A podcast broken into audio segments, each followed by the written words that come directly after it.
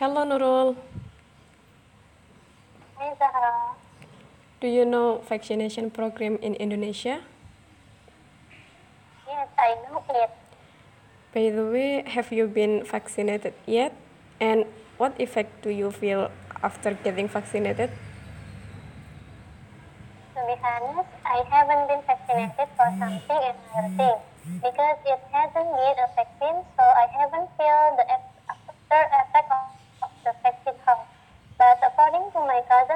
experience with original vaccine, he once told me that the effect after of the vaccine is he often gets hungry, gets sleepy, and gets tired fast.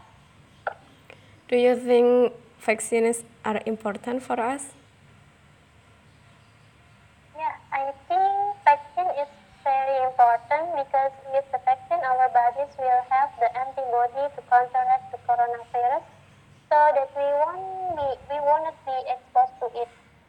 From vaccine, we, we should not applying health protocol to protect ourselves from the coronavirus because if only vaccine but not implementing health protocol, there's a good chance we can still be exposed to the COVID-19 virus.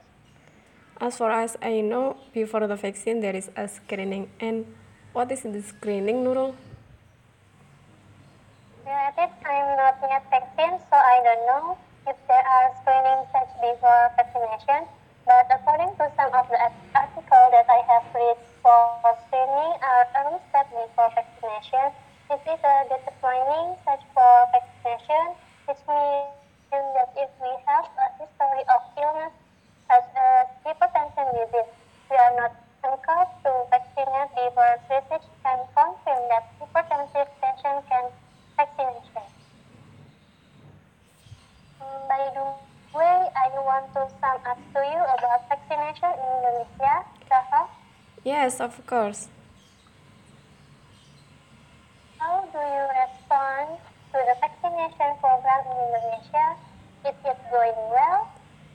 In my opinion, access and facilities for the vaccine program in Indonesia have been going well, but there are still people who don't want to participate in vaccine because they think vaccines are not important.